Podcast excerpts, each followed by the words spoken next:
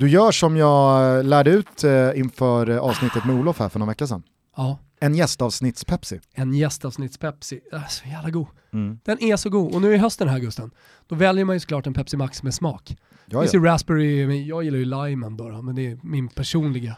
Men favorit. sen, jag är ju team Raheem Sterling. Mhm. Så att, eh, jag, jag dunkar vidare med flaskorna där han pryder etiketten. Ja, ja, ja, såklart att du gör. Hörni, drick mycket Pepsi. Skicka gärna in en eh, bild när ni dricker er höstpepsi i hashtaggen TotoPepsi som alltid lever 365 dagar om året. Och så glömmer ni inte att en Pepsi till just det här avsnittet förhöjer upplevelsen. Så är det. Rulla igång gingen Kim så kommer här nu Lotta Schelin.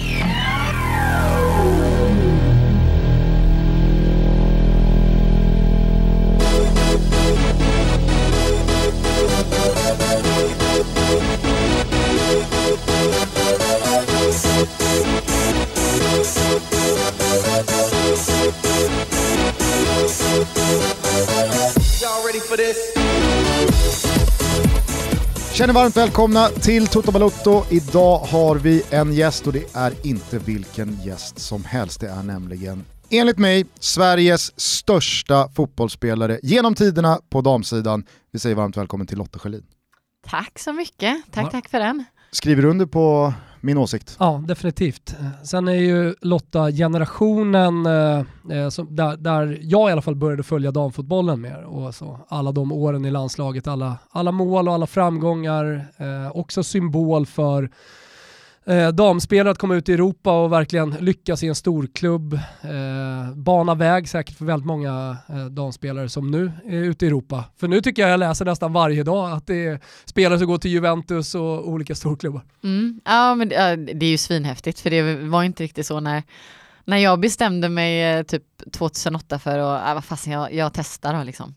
Jag hörde jag hörde vi har en målsättning att, eller vi ska vinna Champions League och det var, det var nog det jag liksom fastnade för. Jag tänkte att jag måste ge det en chans. Så Mm. man var rätt glad för att man de tog den fem, chansen. fem raka eh, Champions League-titlar nu på Lyon. Mm. Jag ska, Ja. jag ska möta dem med mitt tjejlag om eh, två månader. Har de bra akademiverksamhet också? Ja, eh, jättebra. de toppar ju väldigt tidigt där nere i Frankrike så att eh, de har ju, jag skulle, jag skulle tro att de har de bästa i regionen. Liksom, Vi möter som spelar. PSG också, så har vi Mm. Wolfsburg och Sparta Prag, Kerpati Lviv.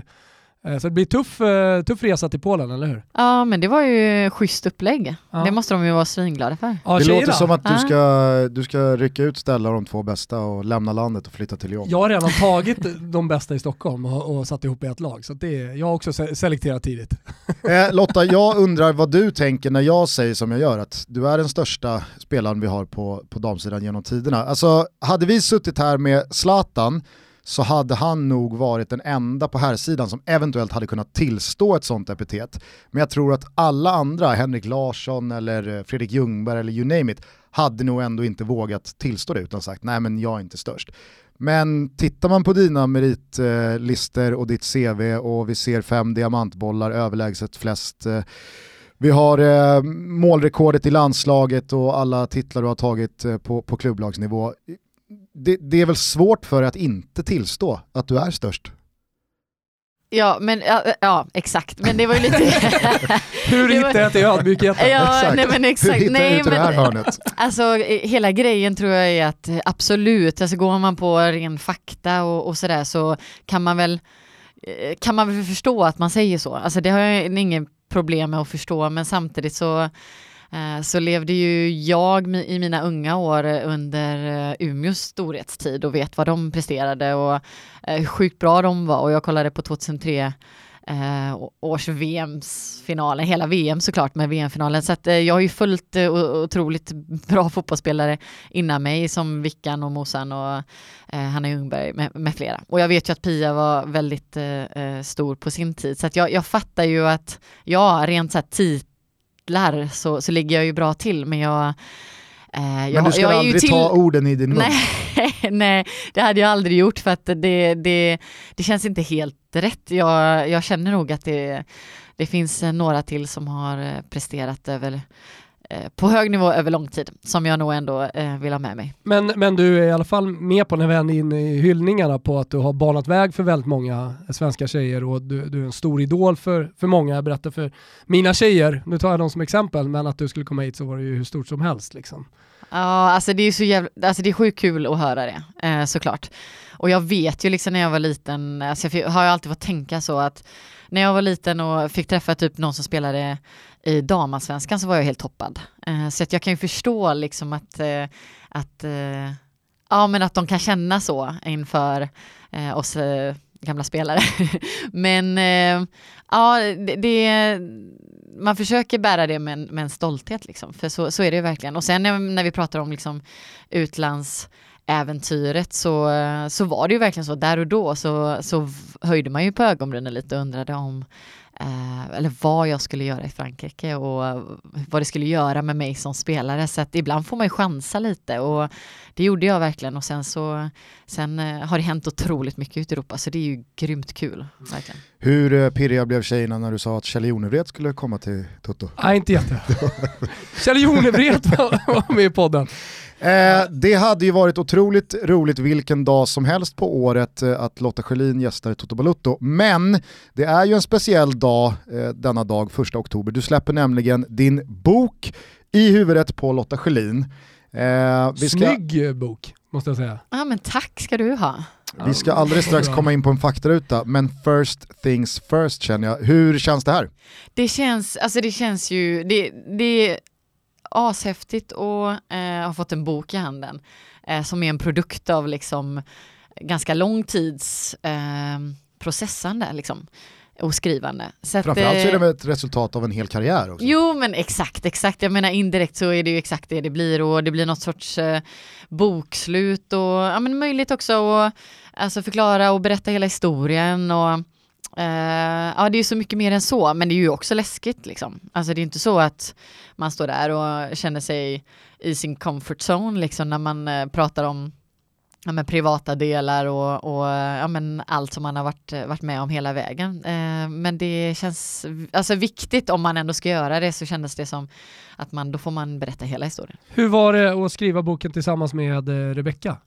Det var, alltså först så tänkte jag så här, det finns ju inte på kartan att man ska skriva eh, en bok tillsammans med den man lever med. Det känns eh, sjukt, eh, liksom, eh, konstigt och, och, och att man nog inte skulle ta det steget. Och sen när jag landat i det och vi har gjort det så känner jag bara, men det kunde inte bli bättre. Alltså det är ju också ett sätt att eh, Ja men ni fattar, alltså om man ska bolla så är det ju bara att öppna dörren liksom och, och så det är väldigt enkelt och väldigt smidigt. Och sen så är det ju någon som verkligen känner en och förstår alla delar och som också upplevt eh, mycket liksom. Men har det blivit konflikter också på vägen? Nej. Jag tänker en stor process att skriva en bok. Eh, hon, hon är journalist i grunden. Ja, exakt. Så jag tänker hon, hon är inne och rackar ner på din svenska eller någonting sådär. ja men precis, men hon fick ju liksom, hon fick det är ju sköta. dem, inte det. ja precis, exakt. För tionde gången. Nej men det fick hon sköta mest faktiskt. Men, det kanske bara var skönt skönt. Ja, jätte, ja men jätteskönt och framförallt får man ju eh, alltså, konstatera att detta startade ju det här projektet också i ett läge där jag blev skadad och, och kom ifrån fotbollen och kanske inte mådde helt hundra bra. Så att eh, om man ser utifrån den vinkeln så var det möjligt att göra det de dagarna, de timmarna där man mådde bra. Eh, och också liksom eh, ett sätt att processa väldigt mycket. Och så i första läget så var det ju verkligen inte så här, nu ska jag skriva en bok, utan eh, en idrottspsykolog som jag snackade med i början, bara, men hallå, nu när du har så mycket tid, eh, ta vara på den, då, vadå, skriv en bok, du har ju en skribent hemma typ. Mm. Eh, och man bara, nej, men ja, ja, vi får se. Och så kanske lite föreläsningsmaterial tänkte jag. Och sen så, sen gick tiden och så landar man till slut här. Men det är ju lite drygt två år sedan du la av, eh, idag släpper en bok. Är det det du gör idag? Alltså är du författare och eh, ligger och petar i naven annars, eller vad gör du idag? Alltså du, jag har en ettåring eh, hemma ja. så att det blir väldigt lite peta, peta naven. Um, Vänta tills, är det hon eller han? En kille. En kille, vänta Ja. tills han blir tre och ett halvt. Jag har en tre och ett halvt åring hemma. Ja, du menar att det, det finns bara jobb att göra? Ja, ja, tack ska du ha, tack ska du ha. ja, men jag tar med mig det. Eh, men det är ju ändå liksom så en, en daglig verksamhet. Eh, så att jag har egentligen varit eh, mammaledig i nästan ett år och så har jag gjort liksom lite smågrejer inemellan. Men sanningen är den att jag skulle ha gjort eh, skitmycket om man nu får säga så eh, från eh, typ april, maj och framåt. Men eh, Ja. det var något som hette corona som Coronan kom. kom emellan. Men hur tänker du, vi kanske kommer dit Gustav, men hur tänker du på liksom, fotbollen? Och vad vill du jobba inom fotbollen? Vad vill du göra där? Um, alltså just exakt nu så, så kommer jag väl ehm, jobba lite med tv. Så då blir det, väl en, en del. Är det officiellt och klart? Ja, ehm, ja. kanske, kanske typ härifrån idag snart. Okej, jag Eh, men i alla fall, alltså, på något sätt kommer jag jobba, jobba med fotbollen på det sättet. Eh, vilket känns skitkul. Så jag, och så föreläser jag förhoppningsvis mer nu då framöver. Och ehm, ja, men, jag kanske kommer hjälpa spelarföreningen lite framöver och ja, lite sådana här grejer. Så jag tänker att det, jag gör det som känns nice och kul. Det är Simor och TV4 som eh, du ska jobba med. Ja, precis. Eh, och, Kollega med Gustav. Ja, exakt. Eh, så det är kul. Men det kommer ju vara mycket kring landskamper liksom här och Ja. dam och så, och så. Men det är väl det jag liksom känner att jag känner mig eh, men där känner jag mig som hemma liksom. För det, Du har det ju varit i en ju- del studios senaste Ja, åren. ja men precis. Och det har ju, Mycket bra, jag säga. Ja, men tack. men det har ju varit liksom, det har ju varit ganska, det har varit sjukt kul också, men det har ju varit ganska, eh, vad ska man säga, det har ju varit väldigt kopplat till mig som, eh, som fotbollsspelare Mm. eh, och att man har den erfarenheten och sådär. Så det har ju varit ganska avslappnat och, och gött. Så det är klart att nu kanske det liksom krävs annat eller så, så, så är det just exakt det som krävs. Men eh, Du får rätta mig om jag har fel tidsmässigt och att du hade gjort eh, några studios innan, men jag minns att du breakade lite i, i, i tvn under VM 2014 i Brasilien och då fick lite extra vind i seglen av att Erik Hamrén var så fruktansvärt uselt förberedd. Ja, Så att Lotta verkligen sken i alla sändningar och Hamrén kändes mest bara så här.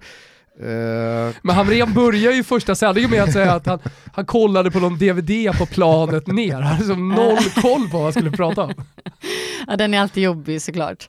Nej, men alltså, oavsett eh, om jag väljer att inte, inte plocka upp Hamrén-kortet där så var det såklart liksom eh, Eh, alltså jag kom ju in i ett eh, gött läge, de hade ju jobbat som alltså, riktigt, riktigt hårt liksom med match, tre matcher per dag och, och sådär. Så jag gick in i ett läge där det började komma till slutspelsfas, så att det var ju liksom eh, trevligt på alla sätt och vis. Men absolut, alltså jag tyckte det var jättekul och det kändes så här eh, verkligen någonting som, eh, som, ja, men som lockar lite så. Så jag hoppas att jag, jag får ju komma igång och, och börja någonstans. Men eh, det Kanske blir en podd sen också. kanske blir en på, ja, exakt.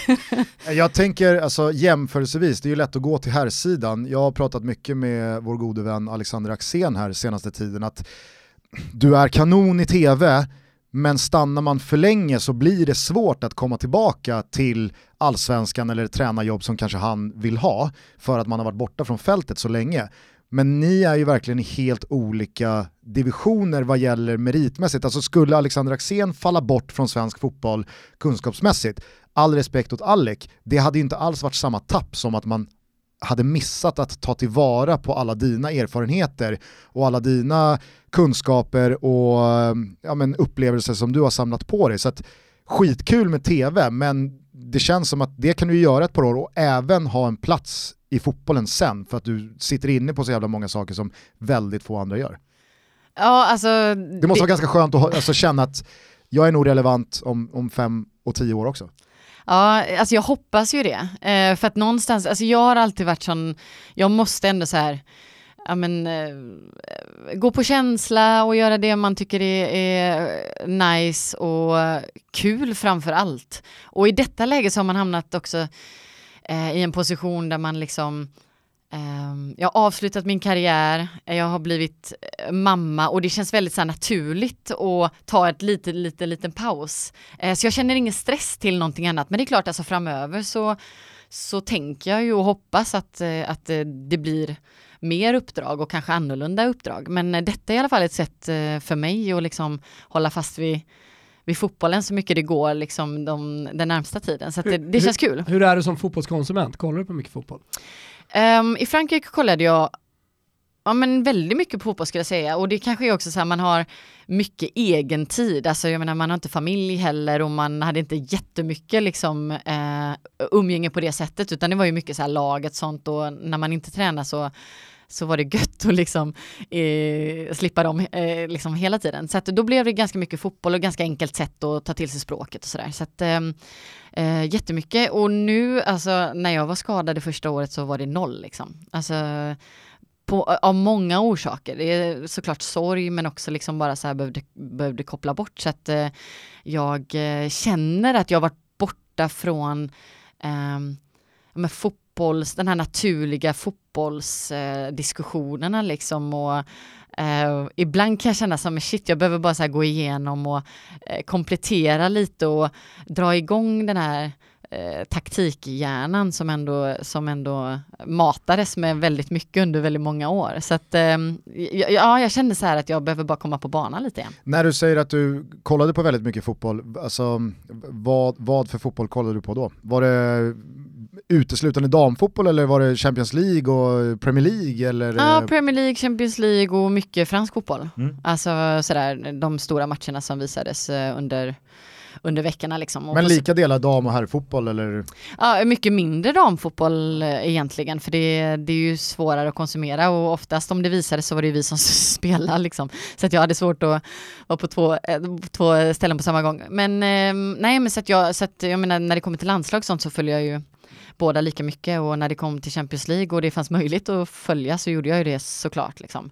Eh, så att eh, nu är jag i alla fall igång och jag menar corona var ju liksom skapar ju ett supersug. så att jag liksom, eh, jag är en helt normal så här, fotbollsälskande eh, person som konsumerar så här, lagom mycket fotboll. Men eh, alltså, eh, man vill ju mer liksom. Jag kände, jag vet inte om vi pratade om det i våras, men det var, det var ju en lucka där på tre och en halv månad med mm. noll fotboll. Mm. Bästa tiden i mitt liv tror jag. Alltså att, Fick du spela golf? Jo men att inte kunna mm. För man har aldrig varit där i sitt liv. Det har varit några veckor i juli, på somrar liksom, där, mellan, efter ett mästerskap eller mellan säsongerna när man bara tagit ett break. Men nu var det, nu, det gick inte ens att röka ut en eh, pojkmatch från Polen, utan det var, det var ju total lockdown. Inte i ungdomsfotbollen i Stockholm, den rullade på. Nej, ja, så, ja, du, så du fick din lilla dos? Jajamensan. ja, det är gott. någonstans får man ändå dra gränsen. Det var, jag, jag, jag, jag minns ändå den där tiden som ganska skön, även fast det var en väldigt tråkig anledning. Vi är denna vecka sponsrade av Telia. Ah! Härliga, underbara Telia. Jag säger det av en anledning Gusten. Mm. För att det är väldigt mycket fotboll där ute, det är väldigt mycket sport som ska tittas på, och då gäller det att man har en helhet, eller hur? Precis, Telia har satt ihop ett tv-paket där man alltså korsar Simor med V, mm. som många känner som före detta Viasat. Mm.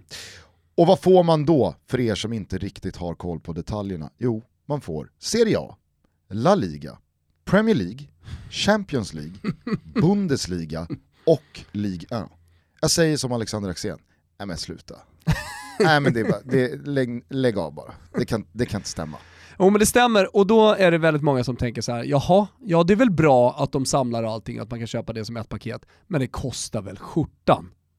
Eller hur? Att man tänker så, ja, ja men det stämmer inte. Nej. Ordinarie pris för alla de här rättigheterna är 499 kronor plus 469 kronor. Alltså, Rimligt ju! Ja, ja, det är ju vad det ska kosta. Totalt 968 kronor i månaden. Mm. Men Telia har med sitt tv-paket slagit ihop det här och skickar nu alltså ut allting för 499 kronor i månaden. 499 kronor, kan du upprepa, vad får vi då? Premier League, Champions League, Serie A, La Liga, Bundesliga och Ligue 1. Nej men lägg av. nej men sluta bara. sluta bara. Nej, nej men det kan inte stämma Gusten. Det kan inte stämma Gusten. Och som om inte det vore nog, man får dessutom Telia Play, Simor och Viaplay för att kunna se allting som sänds även där. Ja det är helt otroligt. Och det här priset gäller även efter att bindningstiden gått ut. Okej, okay, men hur gör man då för att få eh, det här tv-paketet? För nu är det väldigt många som lyssnar. Man går in på www.telia.se eller om man vill komma rätt in i sporten så slår man på ett eh, slash och sen sport. Alltså telia.se sport. Ja, men det är solklart budskap. Vi säger stort tack till Telia som är med och möjliggör Toto Balotto. Eh, Jag tänker att vi måste kasta oss in i den här faktarutan ifall vi ska hinna med den. Det känns som att det finns väldigt många Vi har också fått eh, massa frågor från folk. passager eh, att eh, hinna med. Eh, du får helt enkelt bara svara, skjuta på volley. Fullständigt namn, Lotta Eva Schelin, ålder. 36. Hur skulle din bästa vän beskriva dig? Och min bästa vän? Um, nej men alltså, lojal och um, hon, skulle nog, hon skulle nog säga att jag um, att hon litar på mig 110%. Var är hemma för dig? Det är Alltså, jag, jag, innan har jag sagt Göteborg för det är liksom eh, och med närområde men ju, alltså nu är det ju Kungsbacka är hemma för mig. Känner du, hur känner du kring Lyon? Kan du sakna eh, staden? Eh, Vi var ju där i, i vintras, fantastisk stad, fantastisk mat. Vad saknar du mest med, med Frankrike, eller Lyon framförallt? Nej men typ exakt eh, det. Alltså gastronomin är ju helt sjuk i, i Lyon och eh, alltså i Frankrike som sådant. eh, Det går ju... Lyon är lite gastronomins he- liksom, eh, hemmaplan i Frankrike, eller Det hur? var ju där Ja. de körde budisen för eh, Bocuse. När hans Just restaurang hade det. blivit av med en stjärna, då var det budisar på läktaren. Ja, ja, ja visst. Fantastiskt. Ja, det är fantastiskt. Nej, men han är ju liksom så här eh, stans stora eh, fader nästan, Bocuse såklart. Så att eh, det, det, jag tror att det präglar hela staden. Alltså nivån på restaurangerna blir ju skyhöga. Eh, plus att jag, alltså det jag gillade med det var ju så här, man kunde gå ut och käka hur bra som helst, en hel meny för typ 22 euro. Mm. Alltså så det är ju liksom, det finns ju så mycket i det liksom. Så att eh, det saknar jag sjukt mycket. Kungsbackas utbud på restauranger är inte riktigt samma eller? Men det är inte riktigt så här, det är Har bra. du blivit kräsen också? Jag har blivit superkräsen efter att ha bott i Italien och, och jag gör nästan en löjlig poäng hela tiden av liksom, hur, hur dålig en pasta kan vara. Eller sådär. Ja, Kan, du också, fattar. kan du också hamna där? Ja, alltså absolut. Alltså mer så här, alltså de mest, eh, vad ska man säga, eh, gastronomiska restaurangerna som finns liksom i Sverige och med fina stjärnor och sånt. Alltså det, det, det har man ju smakat på liknande nivå ganska många gånger i Frankrike. För det är ju så det ser ut där nere. Så att utifrån det, ja absolut. Sen du lämnade, har det varit skytteltrafik fram och tillbaka eller har du hållit dig borta från Lyon? Ja, alltså det här är hemskt att säga, men jag har inte återvänt en enda gång. För att det har varit jobbigt? Det eller? har, varit helt om, eh, det har inte varit helt omöjligt. Men alltså först, först så, så spelar man ju och liksom när man lirar så eh, finns ju det inte många luckor helt, helt klart. Sen så eh, hamnar jag i skiten kan man väl säga, Nej, men, med, med skadan och allting. Och eh, det var ganska problematiskt med skadan för att jag första, jag vet inte ens hur länge, ett, ett och ett halvt åren så hade jag ju problem att sitta så här liksom. Berätta om Och- skadan, Eh, alla har inte koll på det. Nej, jag fattar. Nej, alltså eh, huvudvärksproblematik av olika anledningar. Alltså, och det finns två, eh, två eh, läror om man säger så. Alltså, Men visst var det en tackling, eh, alltså någon Ja, slags men det var inte- pisksnärt, ja. whiplash? Men det var inte en tackling, alltså sista tacklingen var ju mesig. Alltså det var ju ingenting speciellt med den egentligen, utan det var bara så här sista droppen, droppen. som Ja. fick bägaren. Så att många whiplash-liknande över väldigt lång tid, vilket gjorde att jag fick problem med alltså nicka och, och den här biten. Och sen eh, varje gång jag fick de här smällarna så, så blev det värre och värre och, och även hjärnskakningar. Så det finns ju båda, båda delar. Så att jag hamnade i ett läge där så här, alltså jag kunde inte sitta med datan, jag kunde inte sitta med telefon mycket, jag kunde inte läsa, eh, sitta och vara social var eh, jättejobbigt. Så att, eh, och, och då har man också svårt att liksom Åker man till Lyon så vill man träffa alla och kunna, Mm. kunna verkligen eh, njuta. Och, och sen kom corona. liksom. Mm. Hur Och- mår, och du, hur mår du nu? Ja, jag mår eh, jättemycket bättre. Det är oftast det jag, jag försöker alltid liksom utgå från vart man var och vart man Mm. är nu. Så det är absolut inte hundra, jag har en bit kvar, jag kan inte riktigt ta ut mig så jag kan inte träna på samma sätt. Så jag har många steg kvar i rehaben men i vardagen mår jag mest bara bra liksom och det är så jäkla skönt. Och Lyon står kvar. Lyon står kvar så att jag, jag måste bara ta mig dit så fort jag kan och när det passar. Eh, från det ena till det andra, tyckte du att det var rätt eller fel av Helsingborg att kicka Sören Kratz efter dennes förvisso alldeles för långa men också fullt begripliga ärevarv på Söderstadion 2002? Oj, Kommer du ihåg den här episoden? alltså eh, det kan jag inte påstå att jag gör alltså. Sören Kratz tar guld med Hammarby 2001, men får under sommaren veta att vi kommer inte förlänga ditt kontrakt för du spelar för tråkig fotboll. Så de signar Anders Linderoth. Men sen så går ju Sören Kratz och Hammarby och vinner SM-guld så att han blir ju liksom sån martyr på Söder. Alla älskar honom. Och han tar första guldet, äh, enda guldet. Eh, och så lämnar han för Helsingborg, kommer tillbaka till Söderstadion säsongen efter. Bayern vinner med 3-1 mot Helsingborg eh, i en allsvensk match i augusti. Och så när matchen är slut och alla har gått in i katakomberna, då står 15 000 kvar på Söderstadion och bara ropar Sören Kratz namn. Så han får ju feeling och vänder in i korridorerna och ger sig ut för liksom, jag måste besvara deras hyllningar och när de liksom inte slutar så tappar Sören Kratz det till slut. Så det slutar med att han, han springer liksom tre varv runt plan. Euforiska och det, det är slängkyssar och det kastas ner halsdukar och han eh, liksom bugar och gör vågen och verkligen så här Okay, Omfamna situationen. Han fick feeling liksom. Helsingborg har precis förlorat med 3-1 så att Sören du kanske ska ändå, du springer runt i en Helsingborgs overall här. Eh, och då fick han sparken dagen efter. Och det, alltså så här, det, oh. du kanske är gäst nummer 40 som får den här frågan. Det finns ju inte... Alltså Ett alla, enkelt svar. Nej, nej exakt. Nej. Alla, vissa förstår Helsingborg. Jag tycker också att så här, jag kan köpa, men jag kan också älska Sören i det. Ja, det låter helt underbart och jag kan fatta så här, får man feeling, får man feeling. Men jag kanske här, spontant, alltså jag, jag vet inte ens om jag behöver Eh, liksom... Säg att du hade kommit tillbaka till Lyon med Rosengård, mm. alltså för några år sedan, ja. och så ja. vinner Lyon matchen i en semifinal eller kvartsfinal i Champions League. Mm. Och så står publiken och bara ropar Lotta, Lotta, Lotta och du vänder på klacken Ta tre och, och, och, bara liksom förlorar dig i deras kärlek. Uh. Och så kommer du in till ditt lag som bara Lotta, what the fuck. Ja. Men alltså egentligen säger ni ju själva, det känns liksom så här, tro fasen att han ska gå ut och så här, tack så jättemycket, jag hör er, men det är exakt som många spelare gör när de gör mål mot lag de har spelat med förut, så brukar man ju ofta säga, man gör ju fortfarande målet, men man kanske inte firar crazy.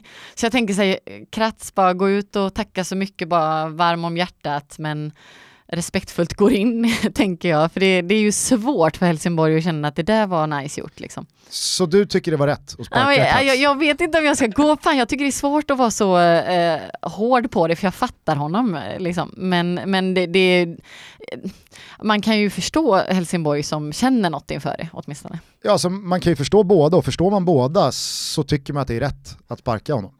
Det, synd Sören att du gjorde jag förstår att du gjorde det. Det finns ju nyanser i det. Man tyvärr måste Helsingborg sparka det här. Han, han hade kunnat fått en tillsägelse. Han själv ja. hade ju kunnat vara lite mer mild i, i sina ärovarv. Ja. Och på, så vidare. På det här ämnet som du drar upp nu, att man gör mål mot sitt gamla lag och firar, inte firar. Där är ju eh, brassen Hernanes det, det absolut bästa exemplet. Han spelade i Lazio många år och sen så gick han till Inter, kommer tillbaks till Rom och gör två mål för Inter firar med sin karaktäristiska målgest en bakåtvolt och så får han frågan efteråt.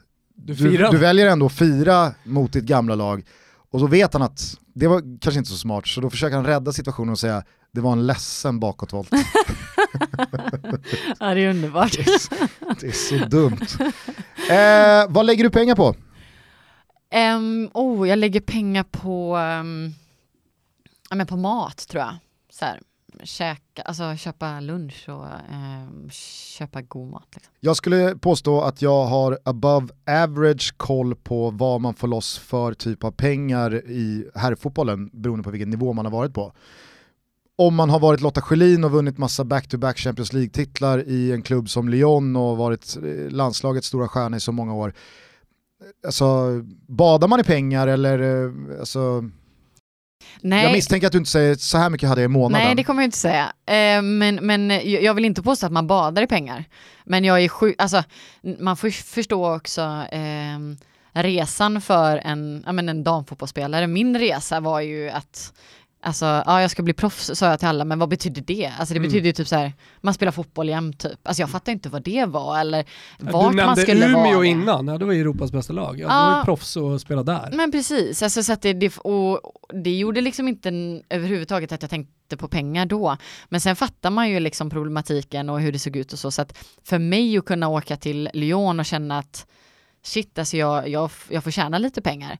Det var ju helt grymt, men det är ju också så här, ja alltså jämför du det med en, en, en vanlig Svensson eller en medellön så var det ju... Halvdan eh, brunkare i Championship så misstänker jag att det är typ jordnötter. Ja, alltså nu vet inte jag riktigt, nej men precis vad Championship-snubbarna har, men eh, eh, det var alltså för mig, för mig eh, så var det absolut så att man kan komma hem och känna att man liksom ja, men man kan eh, få ett eh, hus som, som man vill ha och liksom hela den biten. Så att, eh, ja men, mycket bättre än vad jag hade tjänat som en vanlig dödlig liksom. Jag tänkte på att du, du nämnde det, så här, drömde om att bli fotbollsproffs. Eh, hur drö- lite mer ingående, hur drömde du? Alltså vad tänkte man som ung tjej? Ja men du vet, jag undrar själv hur jag tänkte. Det var ju sån jävla annan tid, 90-tal. Ja det var verkligen en annan Kontra tid. nu, alltså nu fattar jag att en tioårig nej, tjej men... också drömmer om fullsatta läktare och utlandsproffskarriär och så vidare. Men, det... men, ja, men mina, mina, jag om jag frågar mina tjejer, mm. Eh, och de spelar ändå Hammarby. Eh, så är det så ah, men eh, någon i Djurgården, ah, men eh, efter Hammarby ska jag till Djurgården, när 15, sen ska jag till Liverpool.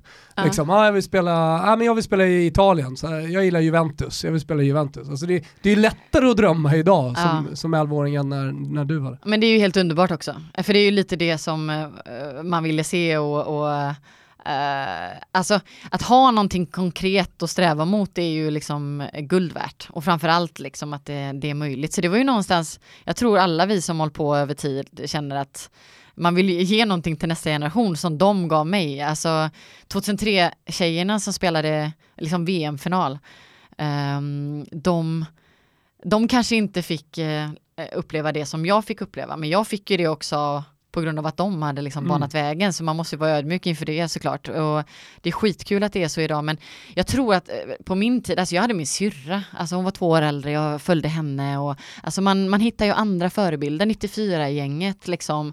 Plus att det pratades ju heller inte så mycket om att det inte fanns eh, proffs på damsidan.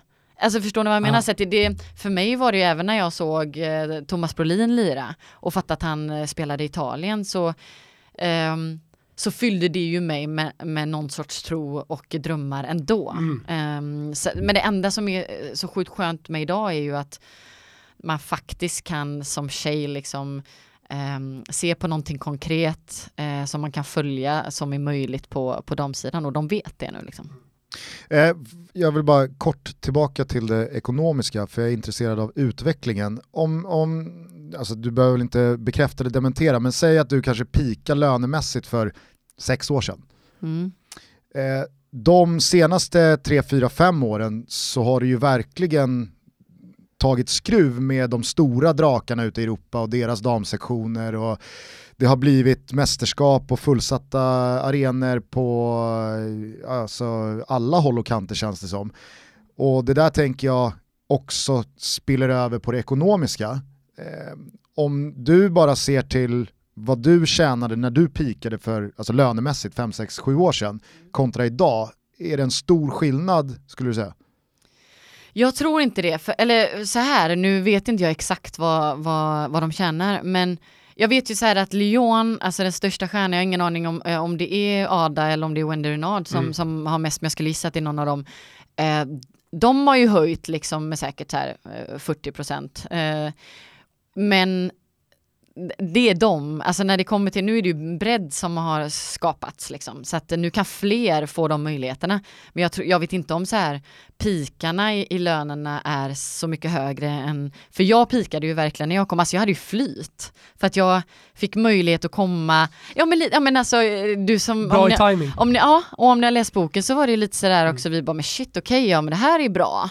Och så fick jag, fick, och, ja, ja, men så fick jag hjälp och, och, med liksom förhandlingen och vi bara, men vi lägger ett bud liksom som är ja, men en, en hel del till. Det var ju bara en chansning och de sa ja. Mm. Så att det fanns ju liksom, jag märkte det över åren att jag hade hamnat ganska högt när det kommer till um, till uh, lönesättning. Mm. Så att de till och med kanske så här jobbade för att ta ner det liksom. Så att uh, jag hade nog eh, rätt bra förutsättningar där och då. Sen hoppas jag och, och, och vet liksom att eh, toppspelarna kommer ju säkert ha mycket bättre än vad jag hade. Men, liksom, Men den stora skillnaden idag kanske är då att på bredden så har Exakt. fler fått bra löner mm. snarare än att de har skenat uppe Ja, men det på toppen. Man kan vara, fler kan tror. vara fotbollsproffs och leva Ja. på sin fotboll. Och bara, alltså det är ju det man vill, alltså, det är ju det man vill i slutändan också. Alltså det är ju, jag vet inte om det är så sjukt intressant att liksom gå och eh, hamna på nivå, miljardnivåer på, på eh, övergångar liksom på damsidan. Varför? Alltså,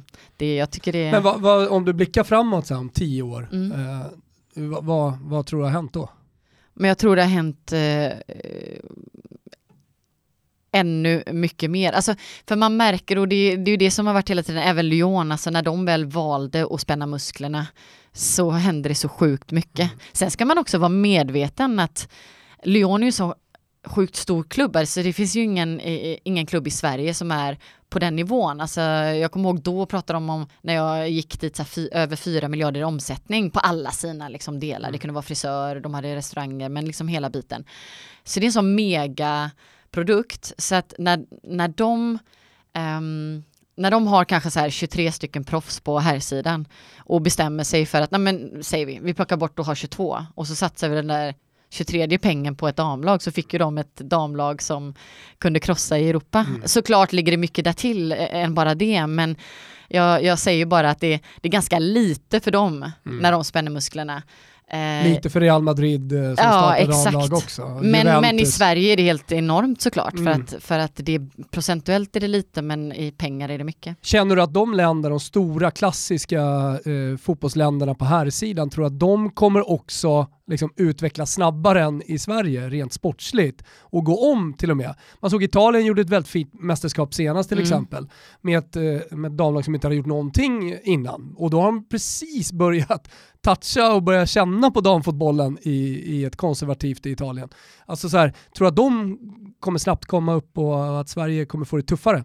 Absolut. Alltså det finns ju alla förutsättningar och framförallt om, om man kommer till den punkten eh, att storlagen börjar liksom eh, jobba med en damsektion. Eh, alltså det är ju det som är, alltså vi har ju jättefördelar på damsidan såklart, att allt finns ju redan. Alltså det är bara de... Nu pratar du Sverige. Ja, jag pratar alltså eh, världsomspännande egentligen, alltså klubbar, herrklubbar, där finns ju allt. Det finns en organisation, Mm. det finns liksom pengar, det finns eh, eh, en struktur för hur man ska lyckas med ledare och allting. Så jag menar om de bara bestämmer sig för att, för att skapa de förutsättningarna på damsidan så, så finns ju allt. Vi behöver inte bör- börja på noll. Ja, men, så att jag tror man tar megakliv bara genom att Mm. gå Nej, men jag- dit som jag- storklubb. Näm, nämnde ju tidigare att jag skulle åka och möta storklubbar då med, med, Mm. med det gänget. Eh, alltså det, det fanns ju inte när du växte upp eh, att åka och möta liksom PSG och Lyon och Wolfsburg. Eh, det är ju också någonting som har funnits på killsidan väldigt länge. Att eh, redan som 9-10-åringarna så åker BP ut och spelar invitational turneringar mot liksom, storklubbar. Det är ju också ett steg, tänker jag, eh, för eh, flicksidan att de här turneringarna faktiskt görs också då. Ja, det är, alltså ett så är det ju skithäftigt. Alltså för all erfarenhet och bara få möta liksom eh, andra lag från andra na- nationer och andra kulturer är ju liksom eh, stort nog. Men sen de här storklubbarna plus att alltså jag har ju sett Lyons eh, liksom flicksida och PSG så det är ju riktigt eh, bra nivå på det också. Mm. Och de är väldigt duktiga på eh, i unga år liksom har de alltid varit egentligen eh, Frankrike för de är som fin teknisk fotboll liksom, så Mm. att de brukar dominera tills fy- fysiken kommer in och då kommer Sverige och, och liksom Mm. kommer ikapp. Um, så att, så att det är ju skithäftigt och jätteviktigt och det, ja, det, det skapar hur, hur var det när du var liten? Fick du motstånd? Var du helt överlägsen? Fick du spela med äldre? Ja, jag spelar med äldre. Jag spelar med, syrran var två år äldre och hon spelade med samma ålder och ett år äldre. Så att eh, två, tre år äldre, det var där jag fick liksom min, min utmaning. Och många tränar ju med, med killar och sådär, men det, det var så upplägget, upplägget blev för mig och det, det var, ja men det var ju skitbra. Alltså jag var så liten när jag var, var, var ung så att jag, ehm, jag var ju en liten sån här eh, som sula runt och hade sig och man såg att jag var liksom ehm, hade talang på alla sätt och vis men de var ju lite sådär bara, ja vi, vi får se för att hon, hon är ju väldigt liten eh, så att eh, hon behöver växa till sig. Men det, gjorde, till det gjorde jag ju ändå liksom, på längden i alla fall.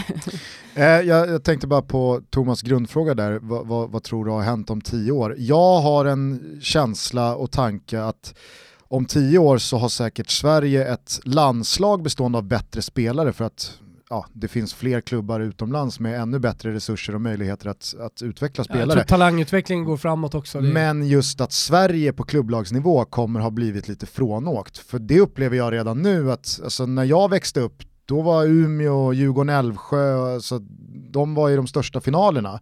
Och det kändes som att några av de största spelarna, inte minst de med Marta, spelade i Sverige och inte speciellt många av de svenska landslagsspelarna lämnade Sverige för något annat land för att här spelas den bästa fotbollen, mm. typ. Mm. Medan idag så känns det, det känns mer som att det är ett par hemvändare som har kommit hem från Europa som, som är med i landslaget, alla andra spelare är utomlands och jag ser, inte, jag ser inte lika ofta några svenska klubbar långt fram i Champions League. Nej men jag bara fylla i där, kollar man på svenska landslagstruppen och vilka klubbar de spelar i så är det ju väldigt mycket storklubbar ute i Europa. Och, alltså, och det är det som är så sjukt kul och häftigt för det, det är ju liksom de senaste tio åren allt det har hänt. Så ja, alltså jag håller med, alltså det var ganska såklart med tanke på att jag var i Lyon och den framfarten vi hade så kom ju de, de frågorna ganska ofta. Och det är ju lite åt detta hållet det har spotts liksom.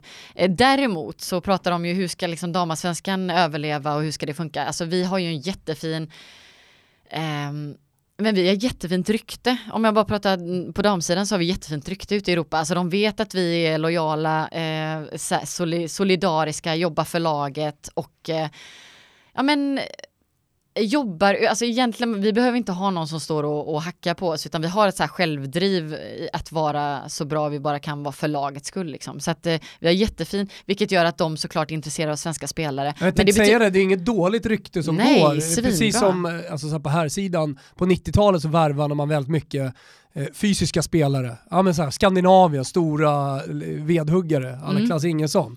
Liksom, det ryktet gick och därför blev det väldigt många den typen av spelare som gick på export. Mm. Alltså på damsidan, om man har då rykte att vara lojal och solidarisk och, man, och liksom det banar vägen för många att komma ut i Europa så måste det vara fantastiskt. Ja absolut och framförallt alltså, det får jag, alltså jag hade ju flyt också i att Alltså Lyon där och då eh, och den franska fotbollen, alltså jag var ju perfekt i det med, med ett mer djupledslöpande och en, en liten annan typ av fotboll och det blev ju liksom Eh, det blev ju en bra match liksom. Så att jag tror även där det, finns det liksom ett intresse. Men vad, vad som händer då såklart är att de kommer ge sig iväg och få en jättebra liksom eh, alltså erfarenheter och det, det kommer de ju ta med till landslaget, vilket är jätteviktigt när man sen ska ut på de stora arenorna och spela mästerskap. Eh, men däremot så vi har ju jättefin produkt i Sverige eh, där vi kan utbilda eh, våra spelare. Eh, och det är inte dumt heller, plus att vi har en jättefin eh, rykte åt andra hållet också, att liksom känslan att komma tillbaka till Sverige kanske inte är de största pengarna, men man känner sig verkligen som hemma och eh, man kommer in i lagen lätt och det, det är väl alltså det låter kanske löjligt men det är trevligt liksom. Uh, trevligt att spela fotboll eh, i Sverige så att då kan man nog ändå locka tillbaka de som har varit ute och känt, känt på det som är lite ja, men lite hårdare individuellt och sådär. Så, uh, så att vi, vi får liksom, vi får våra spetsegenskaper och så får man jobba med dem. Vi kan ju liksom inte hitta på att vi har större klubbar som kan, som kan styra damfotbollen och åt det hållet i Sverige, för det, det har vi inte. Men om man kollar generellt på damfotbollen så ser det ljust ut de kommande tio åren. Ja, jag tror det verkligen. Även, Även fast för inga svenska klubbar kanske vinner Champions League om tio år. Det kommer bli svårt, det kanske är möjligt eh, på, på massa olika sätt för att man hittar en, en vinnande väg. Alltså landslag, alltså jag var i Frankrike så många år och såg de här fantastiska fotbollsspelarna. Sen stack de till landslaget och under alla mina år så vann de inte en enda medalj. Och, och de kanske på pappret hade bättre spelare än vad vi hade, men vi tog hem, jag vet inte vad det blev, tre, fyra medaljer. Mm. Eh, för att vi hittade vår väg och vår väg var ju verkligen laget. Mm. Så att jag bara kände så här, det är inte omöjligt eh, att, eh, men man får nog bara man får nog bara peka, peka och fatta vilken väg man ska gå och vilka spetsegenskaper man har och så kör man på det så är allt möjligt. Vi är sponsrade av våra vänner på Betsson och till helgen har vi satt ihop vad vi tror är en dynamittrippel. Ja, men lite pondus i det här. Jag känner ju så jävla starkt för mitt italienska spel. Och jag har två spel som jag tycker är superduper. Mm. Ska vi börja i kronologisk eh, ordning på lördag? Gärna. Gärna. Häcken, Falkenberg. Oj, oj, oj, oj, oj, jag känner Häcken-feeling. Ja, nej men alltså, jag har lärt mig nu en sak om Häcken. jag har lärt mig. Nej men jag har lärt mig nu. Nu har du lärt dig. Jag Häck- älskar när du har lärt dig. Häcken kommer inte vinna guld. Alltså då, eh, och det är ingen raketforskning att säga det nu efter de har torskat mot Malmö. Nej. Jag pratar ur ett längre perspektiv. Ja, det är klart du gör. Man, de kan vara på gång hur många år de vill, de kan ha fått ihop vilket lag de vill. De kommer inte ta det där guldet, för de viker ner sig. Det är mjukglass när det väl är skarpt läge. Nu hade de två matcher, Elfsborg borta, Malmö borta. Vinst i båda dem så hade de haft allt i egna händer. Jag tycker de gör en okej match borta mot Elfsborg, men mot Malmö var det inget snack. De ligger under med två, matchen är över efter tio minuter. Och Så matchen- det du håller på med nu, det är en sågning av Häckens pannben, mjukglass, samtidigt som vi alltså, du har lärt dig någonting. Exakt. Ja. För jag har lärt mig att det kommer inte bli något guld, men Andreas Alm och Friberg och gänget kommer piska upp den här matchen mot Falkenberg för att visa att vi är visst med i guldstriden. Ah, okej. Även fast jag vet att de är inte med i guldstriden. Ja. Så det kommer bli en sån överkörning av Falken som själva fattar att det är inte här vi löser kontraktet. Okej, vad Vi är måste- spelet då? Häcken vinner med två. Okej, härligt. Häcken vinner med två bollar mot Falkenberg.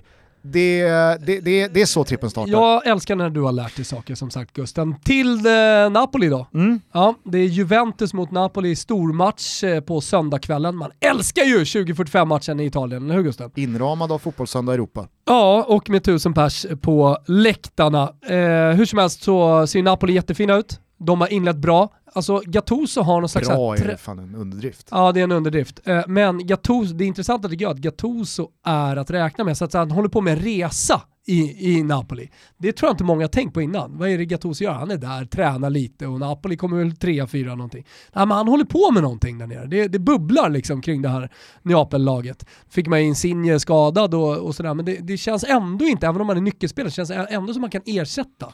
Så, och så med Osimhen då i start senast, förmodligen start nu också, ser jätte, jättebra ut och med alla de som är. Kryss 2 är det som gäller, alltså det räcker med kryss. Mm. Och jag tycker inte Juventus har sett eh, jättebra ut heller. Nej, och bara för att fylla på till Insigne-skadan. Visst, Genoa hemma är inte Juventus borta, men Napoli såg ganska bra ut i andra halvlek även utan jag Insigne. tycker, tycker att det finns eh, någon slags eh, liksom, ja, men pondus då eh, i, i Napoli. Alltså det, det finns en hög lägstanivå, det är nog det jag söker. Sista matchen i trippen, det är Southampton med Danny Ings i spetsen. Oj. Rak seger Oj. hemma mot West Bromwich. Jag ska Kanske- lägga in stödspelet bort hos Betsson på eh, Ings tvåmålsskytt. Ja, ja, men eh, det kan de boosta som singel hoppas vi också. Mm. Men som sagt, eh, för alla oss som såg West Brom mot Chelsea i första halvlek, alltså det, det, det, det var inte ett West Brom som har vaknat nu och som har någonting på gång. Det var ett Chelsea som var slarviga, som bjöd på alldeles för mycket, men som i andra halvlek visade hur jävla dåligt lag West Bromwich är. Southampton har fått en hemsk start, visade alla borta mot Burnley att okej, nu har vi skärpt till oss. Ings har eh, redan gjort eh, tre mål, det fortsätter ju här. West Brom släpper till mest chanser av alla i Premier League. Så att rak seger för Southampton, det är sista benet i den här trippen. Galna Ings i tvåmålsskytt också. Mm. Underbart. kan vi ha det som singelspel bredvid. Ni hittar eh, trippen som alltid under godbitar och boostade odds. Ni ryggar med 148 kronor om ni vill. Ni hashtaggar eh, Toto-trippen så jobbar vi in den här tillsammans. Och kom ihåg att eh, man bara får spela det här spelet om man är 18 år eller äldre. Upplever man att man har problem med spel, då finns alltid stödlinjen.se. Tips också vänner som ni upplever har problem med spel. Vi säger stort tack till Betsson för att ni är med och möjliggör Toto Balutto och nu jäklar ska vi hitta in på vinnarspåret igen med Toto-trippen. Så är det. Vi- Vilka språk behärskar du? Franska, engelska, svenska. Vilken tv-serie ser du just nu? Och jag ser på jättemånga olika, eh, typ eh, Bornebusch, eh, älskar, Älskar mig. mig. Otroligt. Teletubbies. Eh, vilket eller vilka lag håller du på? Alltså lite dålig på att hålla på lag men eh, eh, alltså Inga så här, tatueringar liksom. Nej, hjärtat är så här såklart i landslagen, herr och dam och sen blir det Lyon för att det, det är verkligen min klubb. De, de får Nu i Champions League-slutspelet. Ja, såklart, både på dam och här. Mm. Ja, de gjorde ju bra I- båda. Mm. Hjärtat är inte kvar i, i Göteborg. Eh, in- inte på samma sätt, alltså alla klubbar jag har varit i, Rosengård också, alltså jag har bara gått att säga om, om de åren så att det, det, är, inte- det är inte det på något sätt. Ingen men, bad eh, breakup som har gjort. Nej, liksom. nej inte på det sättet, nej. Ah, okej. När du tänker på Zlatan Ibrahimovic, vad tänker du på då? Um, briljans på plan och en fantastisk karriär. Ni hade ju en tid där eh, han prenumererade på guldbollar, du prenumererade på diamantbollar och det var lite hets er emellan att nu har jag, nu har jag fyra, hur många har du? Och nu har jag fem, eh, hur går det Lotta? Eh, jo då Zlatan, här är nästa diamantboll, hur går det för dig? alltså hur, hur såg er relation ut? Men den såg ju ungefär så ut tror jag. Um, att det, ja men du vet. Det var inte mer det än så? Det slängdes lite liksom... där. Nej, alltså egentligen inte sen så, alltså jag kommer ju ihåg när det, när det hände den galan så, så uh, tror jag att han blev lite ställd av att jag, alltså jag vet inte varför, jag tyckte, äh, försökte bara skoja. Uh, och han blev väldigt ställd sådär och um, sen fick han nog tänka, tänka lite hur han skulle gå tillbaka och så fick han uh, ge tillbaka på sitt sätt. Och sen var vi polare. Så det var, det var liksom det var, men det var la våran saga. Sen så har ju liksom inte Alltså damlandslaget har ju inte liksom hängt med herrlandslaget eh, över åren så att eh, det har inte blivit så mycket Känslan är att relationen har blivit bättre senaste par, tre åren mm. mellan damer.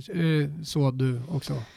Ja. Eh, alltså Eller min... kanske inte finns någon relation? Nej, men jag, jag, jag, vet faktiskt inte exakt vilken sorts relation som finns men däremot så... Men när du var aktiv kunde du uppleva att man, man byggde upp någon slags så ett, ett ställningskrig. Det var ni mot dem och att man tävlade istället för att det var... Alltså det var, eh, då, då får jag säga bara, det, det, var inte, det var ju inte, det var inte meningen från vår sida och det fanns ju ingen så här önskan om det på något sätt.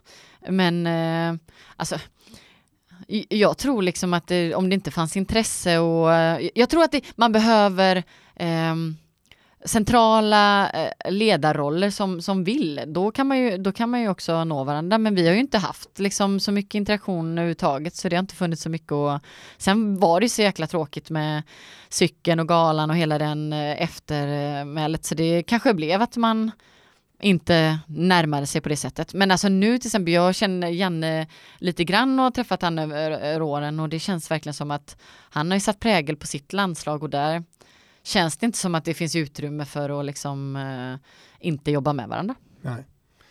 Jag tänker på den stora kampen som ändå du har varit delaktig i för jämställdhet eh, i, i, fotbollen och det är många galer som har avslutats med brandtal. Nilla Fischer inte minst då senast, men ni, ni har varit många som har jobbat för jämställdheten. Hur långt tycker du vi har kommit där? Ja.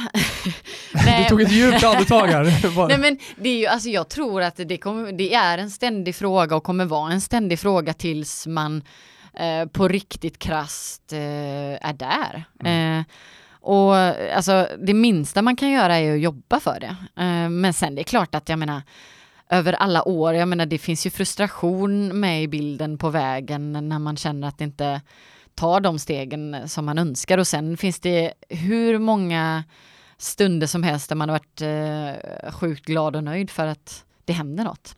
Så att, eh, och jag tror så här, är man mitt i det, alltså man har inte råd som fotbollsspelare bara för att man är tjej gå och så här eh, jag vet inte, vara bitter mm. över, över sånt. Alltså man får, alltså jag fokuserade på, på mitt och på vårt och försökte liksom ta de stegen som gick att ta och göra det bästa av det liksom. Och då är man liksom jag är sjukt nöjd för att jag fick möjlighet att vara proffs. Sen, sen behöver inte jag jämföra eh, hur stor skillnad det var på lönechecken. Liksom. Alltså, då, då blir man nog bitter tror jag. Så det, det finns så mycket att vara glad för. Jämställdheten är på så många plan och ja. eh, djup skulle jag vilja säga. Alltså, det finns dels en strukturell jämställdhet. Alltså, från när du var liten kan jag tänka mig ännu mer än idag även om det fortfarande, vet jag, finns kvar i och med att jag döttrar själv, eh, med att tjejer ska inte spela fotboll. Eh, det börjar där. Mm. Ja, men, mm. och, och, att det fortfarande lever kvar. Mm. Ja men absolut, och ibland blir man lite mörkrädd. Alltså jag,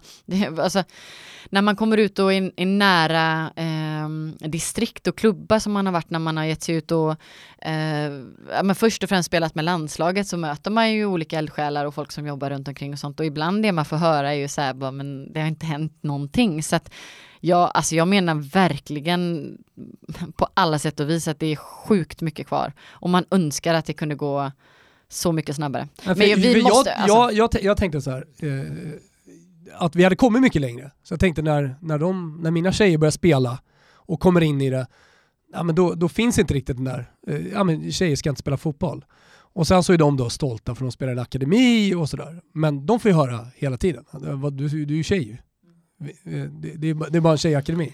Fortfarande. Det Ja, finns ju kultur. såklart ingen quick fix, men finns det någonting konkret som du har tänkt att hade man bara tänkt annorlunda där eller förändrat det där och att det går att genomföra ganska snabbt så hade saker och ting blivit bättre? Eller är det, är det tyvärr inte roligare än så att vi, vi måste över lång tid förändra Nej, men saker får jag bara säga en sak, alltså, där är ju jätteviktigt hur man fördelar resurserna.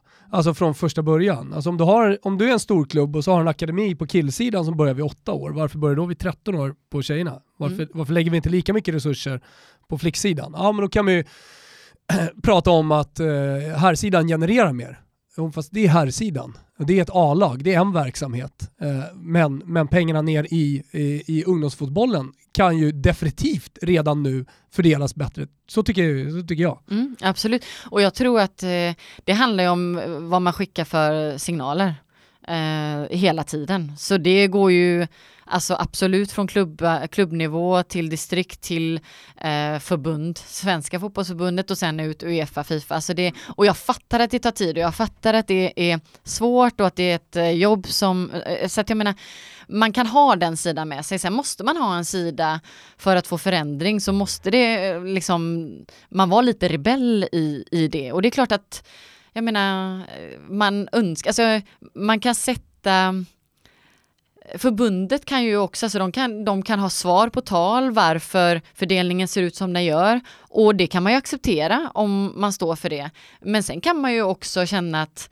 eh, det är de som sätter nivån och det är de som sprider en viss eh, eh, vad ska man säga, riktlinje och vad som gäller. De kan ju också välja att visa vägen. Så att liksom, eh, och, och, och, åt alla håll. Men eh, det är klart att det, alltså förbundet har ju en stor, eh, stor del i det och man önskar ju att eh, sätter de, sätter de riktlinjer rätt så, så kommer ju eh, det gå neråt. Är du för eller emot pyroteknik? Ja, jag vet att det finns jättemycket problematik eh, kring det eh, och jättemycket, eh, där, då jag var närmst det var ju när jag spelade i Lyon och när man var på herrmatcherna för det är där det finns eh, mest och eh, alltså man var ju med om att någon förlorade handen på vägen liksom och eh, sådär. Så att eh, det finns ju problem, men jag kanske inte är så inläst att jag kan svara om jag, om jag är för eller emot det. Det är också fantastiskt såklart att det är att det, är liksom, eh, det finns en kultur i, i, i allt det med supportrar. Så jag, jag ska inte sätta ner foten på något sätt, men det, det finns ju såklart eh, nackdelar med det också. Hatar inte att bränna bengaler i Frankrike. Nej, precis. Vem, vilka eller vad hade du på väggen i flickrummet? Oj, eh, det var väldigt blandat ja. Men jag kommer ihåg Carola eh, och jag kommer ihåg, alltså det här, men det här var ju väldigt länge sedan. Jag kommer ihåg typ The Boppers, alltså Ja, ja, ja. vet ni vilka det var liksom? De gjorde väl en eh, låt med Markoolio i någon slags här, eh, nu gör vi en sista, nu gör vi ett sista försök. Kraftansamling. Ja, exakt. Till och med alltså. ja men det, det var lite, ja det, det, det hängde uppe där och Marcus Schenkenberg kommer jag ihåg också. Och sen senare fotbolls, alltså det fanns liksom, så här, vi, ja jag vet, jag vet, jag vet. Eh, så vi pratar inte mer om det, men VM jag hade 94-gänget också. Schenkenberg på ryggen. Eller vad säger jag? på, på ryggen, jag tatuerade honom. Nej jag hade, jag hade eh, sen kom Peter Andre också. Ja Han- såklart. ja, sen så såklart. kom det fram att Peter Andre han hade, han hade silikon i sina magmuskler, så det var det fake. Men sen så kom det också fram, eh, när Schenkenberg var med i Fångarna på fortet, då pratade man väldigt mycket om att det där är inga äkta muskler eftersom han var så jävla dålig. Är det Utan det, är, det, är, det är silikon i bicepsen. Är Tror han hade det också? Han orkade inte slå av repet med svärdet. Han orkade Han knappt orkade inte lyfta. lyfta svärd. Ja, exakt. Okej, så det var, det var en jävla blandad kompott. Ja, och VM 94 lite senare kommer jag ihåg också att jag hade. Ja. Förstår du hans regeln? Mm. Eh, Ingen skam nej. med att säga nej. Nej, jag, jag gör nog inte riktigt det. Och jag vet att jag liksom över tid även har pratat med domare och ehm, det som sades då är ju inte tydligen nu. Och sen så, alltså, det blir, de pratar alltid, eller från början pratade det som, alltså allt som var naturligt var okej liksom. Eh, Men nu har ju allt, allt bara blivit onaturligt. Eh, Det är inte naturligt att hoppa upp och hålla armarna bakom ryggen heller Nej. liksom. Så att det finns... Eh, borde bestraffas. Gult kort om du hoppar upp med armarna bakom ryggen. Ja, nej men som sagt, ingen skam i att säga nej på den här frågan. Jag, jag är stolt i nej-hörnet här. Jag Mm. förstår inte hans regel. Jag, jag, jag tror liksom att det där är väl hans. Nej, nej det var tydligen, det var tydligen fel. Eh, när du blickar tillbaks på din karriär, vilken tröja har du på dig då? Ja, äh, och, och direkt så kommer både, både landslaget och Lyon, det är väl de centrala liksom, eh, med en nummer åtta på, på ryggen. Vi har ju försökt fjäska till oss en tröja. Kommer den? Till Ja, alltså jag ska gå och kolla i mina ljummer, men jag ska nog försöka eh, hämta upp något. Av allt eh, maxat du har upplevt på fotbollsplan, vad är egentligen det fetaste? Eh, jag har några stycken, några stycken så, men Nej men ja, jag måste, alltså OS, eh, hela, hela sista delen av OS 16 i Rio var liksom så här eh, ett leende på läpparna, så bara drog vi igenom eh, kvartssemi till final. Eh, och, och jag vet att det kanske inte är det roligaste att komma till straffar, liksom rent så här eh, om man har stängt igen matchen, men eh, straffar är ju helt sjukt när det kommer till, eh, till eh, fotbollen. För att det är så här, eh, det, är, det är eufori och det är liksom djupaste, djupaste sorg om man hamnar på andra sidan. Och vi hamnar ju i euforin. Eh, Så USA liksom slår ut eh, de som har varit i de senaste fem OS-finalerna var sjukt stort och det ledde ju till Maracana 80 000 mot Brasilien och sen en final. Så det var stort, första medaljen liksom på de sidan var, var stort. Slog mig nu när du sa USA, det är inte många svenskar som hamnar borta i staterna. Som proffs. Nej. Nej, och, och jag, jag vet inte varför, men det har ju varit så osäkert också. Jag funderade ju på det när jag var lite redo Mm. så här 2008 och tänkte att ja, Fanns det, kanske, bud då? Så? Ja, men bud, men jag visste liksom att det fanns intresse och, Mm. och sådär. Men det var väldigt osäker liga. Ett år så gick den ju konkurs typ innan den ens han startade nästan. Och så stod spelare där Det och... låter amerikanskt. Ja. Eh, Eller hur? Alltså det är ju så här satsningar som kanske inte riktigt, de har ju inte samma kultur liksom och, och det är Men inte en liga som... har ju också gått i konkurs några gånger. Liksom. Ja, ni Men det, fattar. det, alltså, det- allt är så mycket business. Är det, Ja. är det dålig business att Ja. kämpa på med ligan här, det gör man inte då. Då är det, då är det bara konka skiten. Mm. Konka skiten så börjar vi Men om man, någon har, annan gång. man, har ju, man ser ju aldrig, Nej. man får aldrig några rörliga bilder, men man hör ju hela tiden om att det är 25 000 på läktarna på damfotbollen och helvete vad de kör där borta och det är collegefotboll och allting. Mm. Men, eh, Ja, men man har aldrig fått det riktigt bekräftat. Nej, nej men jag fattar. Eh, men nu så har det väl ändå hållit en viss nivå eh, över tid. Så då, Mm. då kanske man kan våga satsa. Men jag menar nu finns det så många europeiska klubbar som, Mm. som, som lockar och som skapar bra förutsättningar så att det, det blir inte samma sug. Eh, från att du kom med i landslaget strax efter det där VM-silvret 2003 och hela vägen fram till du la av så var det ju inte många gånger ni gick in i ett mästerskap och var nederlagstippade eller där det var någon jävla bragd att ta sig vidare från gruppen utan det fanns ju alltid mer eller mindre realistiska möjligheter att gå hela vägen. Hur surt var det att aldrig går hela vägen? Eller är det, är det, liksom, är det högsta betyg ändå med, med de medaljer som togs? Alltså jag tycker det är ett väldigt högt betyg att det har tagits så mycket medaljer när man kollar tillbaka eh, bara 2000-talet. Eh, det tycker jag verkligen. Men däremot så har ju vi kört eh, så här berg och dalbana eh, mellan mästerskapen. Alltså verkligen, jag, alltså jag, jag var ju med i studion 19 nu liksom och det börjar ju med att visa så här varannan mästerskap och så var det upp och ner liksom. Så att eh, det är någonting med att vi sätter oss i en position där vi liksom tar medalj och får förväntningar på oss och så rasar det. Och jag tror inte så mycket att det är pressen utan det är mer så här att Sverige är rätt bra på att vara underdogs. Eh, alltså det är ju den krassa sanningen. Vi kanske inte har haft liksom, det är vi som har styrt spelet och eh, hållit i boll liksom. Det har kanske varit tvärtom eller åtminstone att vi behöver ett lag som avancerar för att, för att utnyttja de ytorna som vi vill åt liksom i alla fall i, i svensk landslagsfotboll. Så att ehm, det är väl där det har varit någon, alltså man, om vi kunde liksom hamna på en jämnare nivå. Men sen så måste man ju konstatera också att nästan varje mästerskap så har det ju funnits ett x antal lag som egentligen rankingmässigt är bättre än oss. Så att då, då blir det ju ändå ganska godkänt tror jag. Men är det ungefär där vi är rankingmässigt? Alltså Idag. nu rankingmässigt så tror jag vi eh, jag, jag vet inte ens om vi... Jag ja, tror I att vi, ditt huvud, var skulle du sätta Nej Sverige? men nu är vi ju precis typ inne på topp 10 skulle jag säga. Eh, det finns ju ganska många lag som har, har klivit förbi, men det är fortfarande lag som Sverige kan slå. Mm. Eh, så att vi, precis som du säger så här, Sveriges eh, högsta ja men så här, högsta prestationsnivå är ju ganska hög ändå liksom, så att det är inte, det är inte så, vi kan ju alltid räkna men alltså vi, man får ju faktiskt ha förvänt, förväntningar typ nästan varje gång. Så en liten tagg sitter ändå i dig? Ja absolut, alltså, och framförallt den där jäkla tysktaggen för det var ju liksom, det var ständigt ett Tyskland som, som, som vi förlorade mot och det var alltid ganska jämna matcher överlag. Man var Eh, ruskigt trött på Birgit Prins Jag tänkte precis säga det. Alltså. Skämtar du eller? Alltså, Birgit Prins, eh, hon var ju... Nu, nu, nu, nu, nu har jag inga starka känslor för några tyska fotbollsspelare, men uh, Birgit Prins låg ju högt upp på hatlistan. Ja, det gjorde hon. Ja, hon var, hon, var, hon var svinbra och sen så fortsatte det maskineriet så vad, vad ska man säga liksom. Men de förstörde ju mycket eh, för oss. Handen på hjärtat, jag, jag känner vart åt ditt svar kommer barka, men handen på hjärtat, när landslaget förlorade semifinalen i VM i fjol, eh, kände du ändå en liten glädje? Ja, den, den, är, den är ganska... Förstår du hur jag tänker? Alltså att du har Ja. varit med så många år, ni har liksom varit så nära att gå hela vägen och så hade de gjort det direkt post liksom, Lotta-eran. Det hade, jag tror att Zlatan hade ju inte jublat ifall Janne och gänget hade gått hela vägen 2018. Nej, Det hade, det, hade, det hade känts jobbigt. Ja men så här då, jag vet att jag sa, jag, jag fick nog någon liknande fråga, inte exakt så, så rakt på sak, eh, häromdagen och eh, då sa jag typ så här, alltså på riktigt, alltså det var, så, det var kul att vara nära och vara där. Sen var det ju en sorg på något sätt, att det, och precis som du säger, så här, första mästerskapet man inte är med, Eh, så så man, får, man är ju ändå inte riktigt där.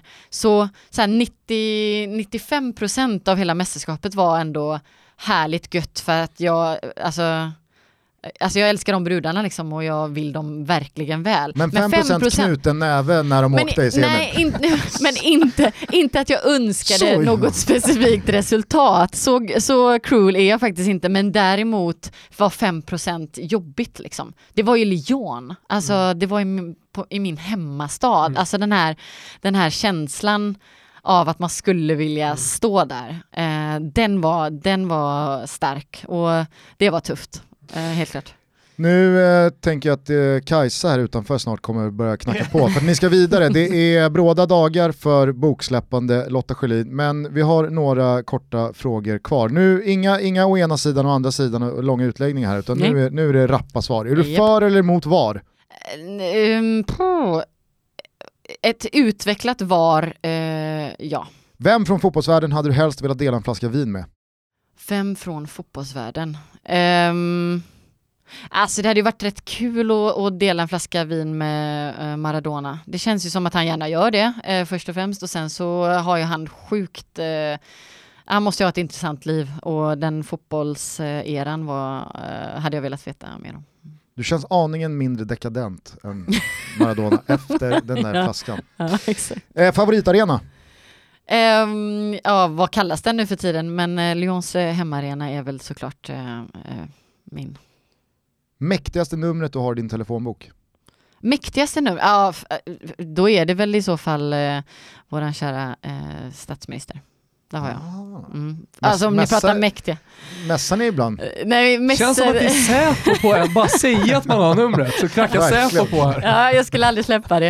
Eh, nej, men han, han, han har ju följt oss och sådär, så att, eh, han, har, han har varit trevlig. Kryptoskyddad liksom, telefon, alla som har hans nummer. Bästa spelare du spelat mot?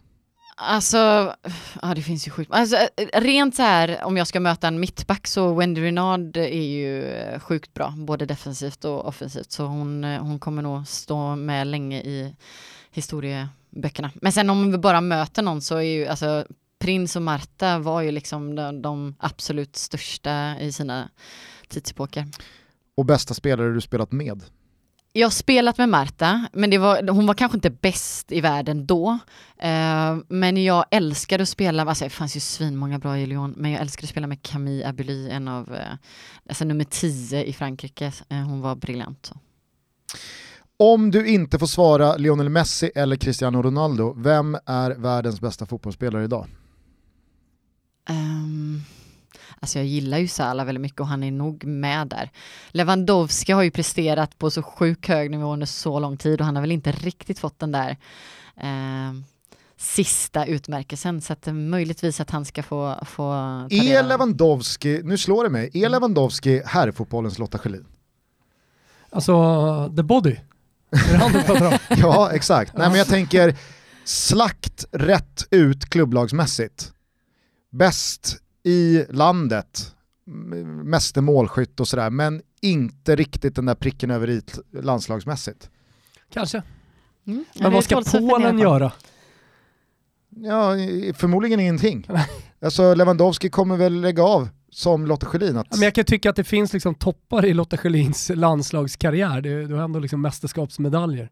Är du med? Alltså OS, Jo, men alltså Brasilien. eh, fast man måste, väl, alltså man, måste, man måste väl ha lite relativa perspektiver. Alltså, Jo, men, Lotta tillhörde ju ett Sverige som inte ska jämföras med Polens jag herrlandslag. menar det. Så att, Jo, men ändå.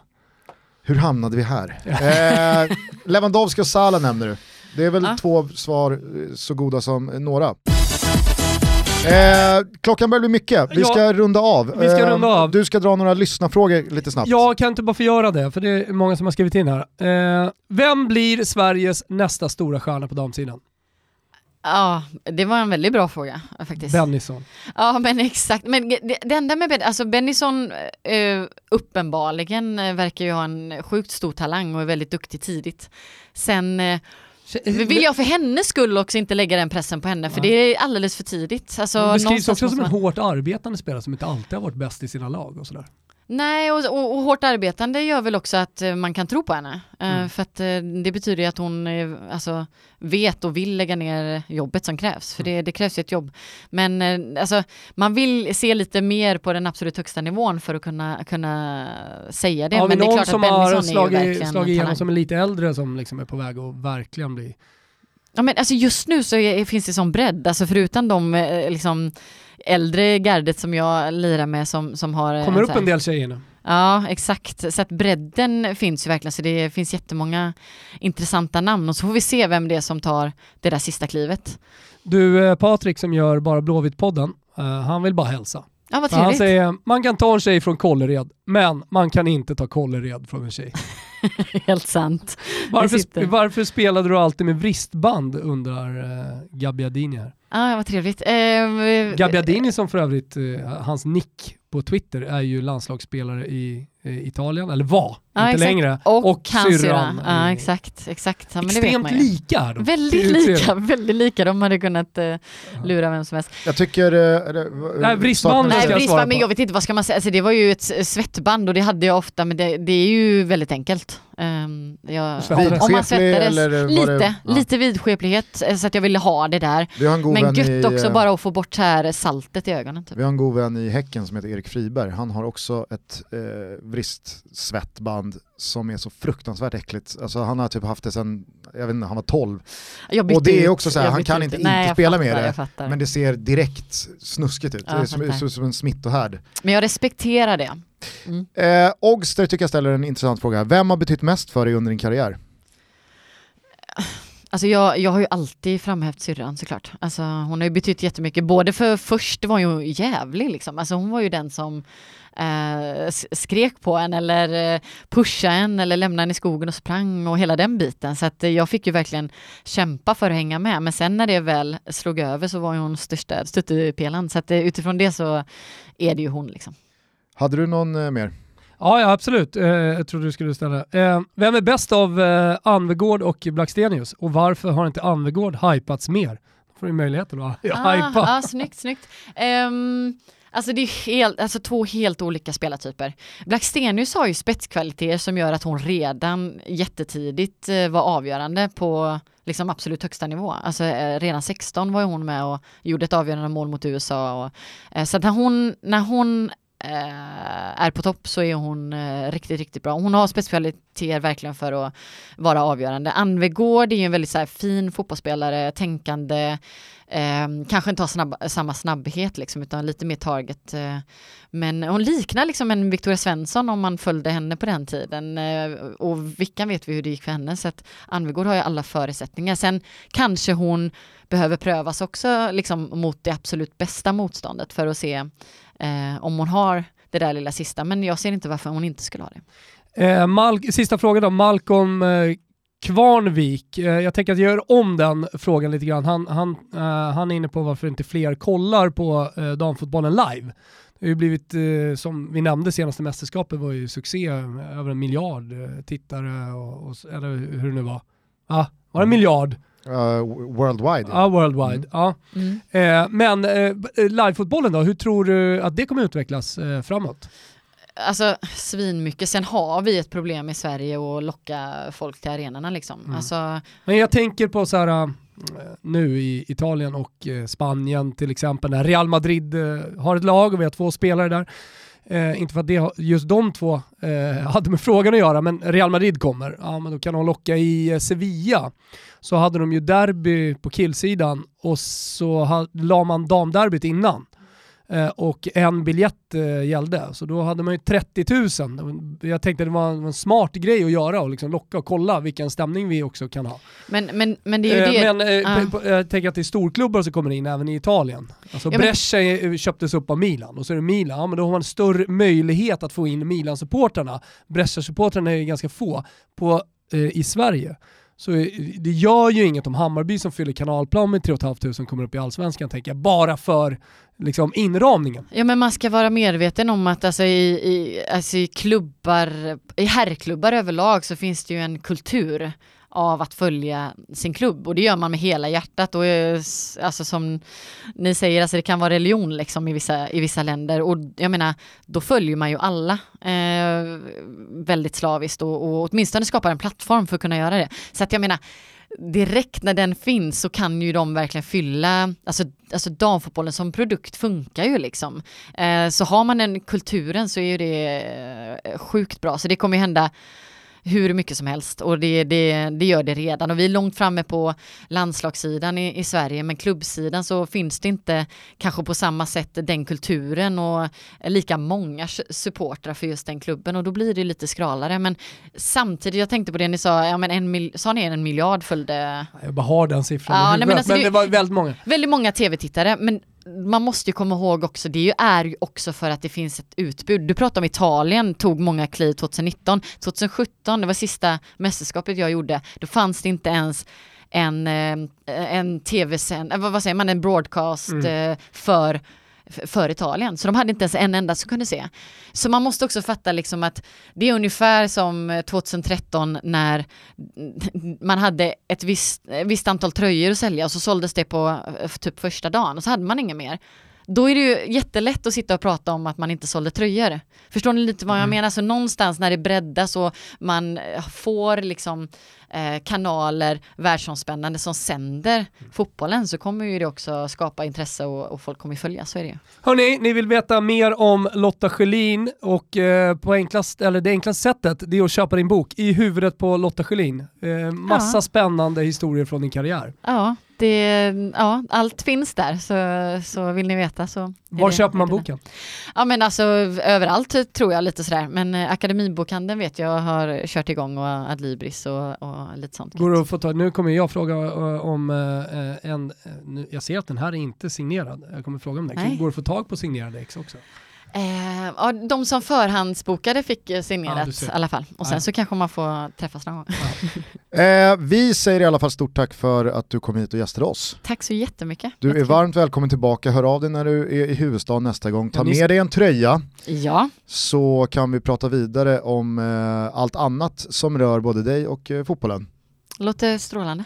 Alla gäster får avsluta sitt avsnitt med en valfri låt. Oj, en valfri låt? Ja, vad skulle du vilja att eh, lyssnarna får eh, avsluta episoden med i sina öron.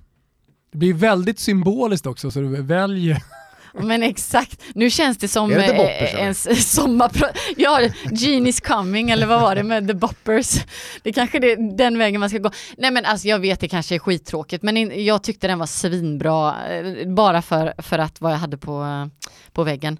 Men Carola eh, gjorde ju, eh, vad heter det, låten tillsammans med eh, med Sara Larsson. Sara Larsson, mm. tack. Ja. Eh, Vår producent Kim Wirsén, han älskar Carola. Ja. Det gör jag också. Men den kan man väl ändå... Säg mig var du står va? Ja, med Sara Larsson och Carola, en nyutgåva.